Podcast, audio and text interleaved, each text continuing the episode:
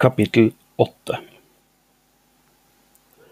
På nytt var det mye folk samla, og de hadde ikke hatt noen ting å spise. Jesus ba disiplene om å komme bort, deg, komme bort til seg og sier, Jeg føler sterkt med folket, nå har de vært hos meg i tre dager, og de har ikke hatt noen ting å spise. Dersom jeg sender dem hjem uten at de har fått mat, kan de besvime av utmattelse langs veien, for noen av dem bor jo langt herifra. Og disiplene svarer, men hvor skal vi få tak i nok mat til alle disse menneskene her langt ute i ødemarken? Jesus spurte, Hvor mange brød har dere? Sju, svarer disiplene. Så ber Jesus folket om å slå seg ned på bakken. Han tok de syv brødene, takket Gud for maten og brøt dem i biter.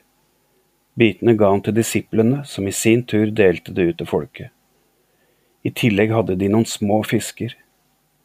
Jesus takket Gud også for dem, og ba disiplene om å dele ut. Og alle spiste og ble mette. Når de til slutt samlet sammen det som var til overs, ble det syv fulle kurver, og det var rundt 4000 mennesker til stede. Etter dette sendte Jesus folket hjem. Han steg om bord i en båt og dro til distriktet ved Dalmanuta sammen med disiplene.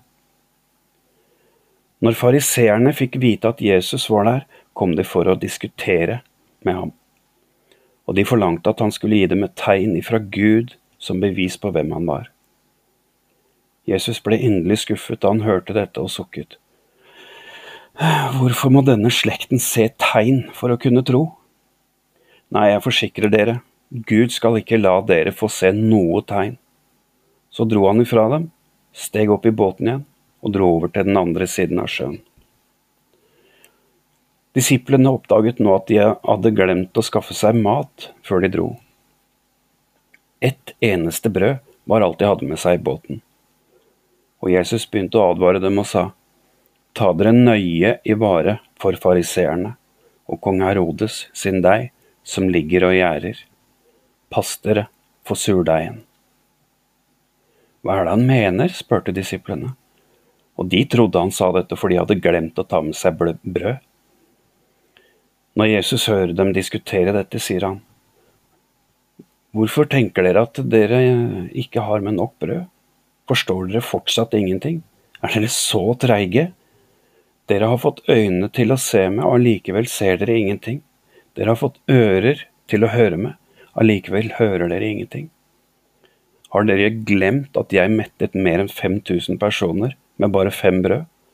Og hvor mange fulle kurver med rester plukket dere opp den gangen? Tolv, sa de. Ja, og da jeg mettet mer enn 4000 personer med sju brød, hvor mange kurver fikk dere da til overs? Sju, svarte de. Jesus sier, forstår dere da fortsatt ingenting? Så kommer de over til Betsaida, og der førte de en blind mann til Jesus, og de ba om at han måtte røre ved mannen og helbrede ham. Jesus tok da den blinde mannen med hånden, førte ham ut av byen. Der spyttet han på øynene hans og la hendene sine på ham. Kan du se noe? spurte Jesus. Mannen så seg omkring. Ja, sa han, jeg ser folk, men de ser ut som trær som går rundt. Da la Jesus hendene sine på mannens øyne en gang til, og nå ble mannen helt helbredet og kunne se igjen, og han så alle ting så klart som dagen. Senere sendte Jesus denne mannen hjem med denne henstillingen. Gå ikke inn i byen på veien hjem. Jesus og disiplene dro fra Galilea og gikk nordover til byene rundt Cesarea i Filippi. Mens de gikk langs veien, spurte han, Hvem sier folk at jeg er? Noen sier at du er døperen Johannes, svarte disiplene. Og noen sier at du er Elia. Og andre sier at du er en av profetene som før i tiden, da de bar fram Guds budskap. Så spurte Jesus, men hvem tror dere at jeg er? Peter svarte, du er Messias, den lovede kongen. Men Jesus forbød dem strengt å snakke med noen om dette.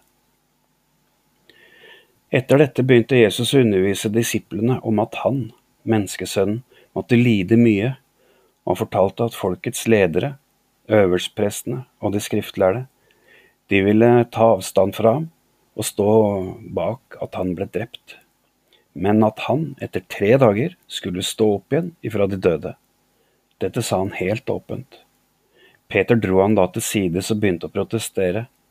Jesus vendte seg om og så mot disiplene og sa strengt til Peter, Vik bak meg, Satan, for det du nå tenker, det er mennesketanker, og ikke Guds tanker. Så kalte han disiplene til seg og ba folket komme, og han sa til dem, Om noen vil bli mine disipler, da kan han ikke lenger tenke på seg selv, men han må følge mitt eksempel og være beredt til å dø.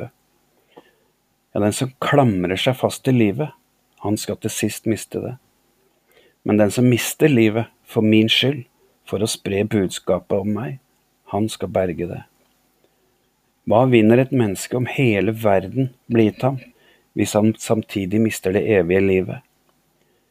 Ingen penger i hele verden kan hjelpe et menneske til å få livet tilbake.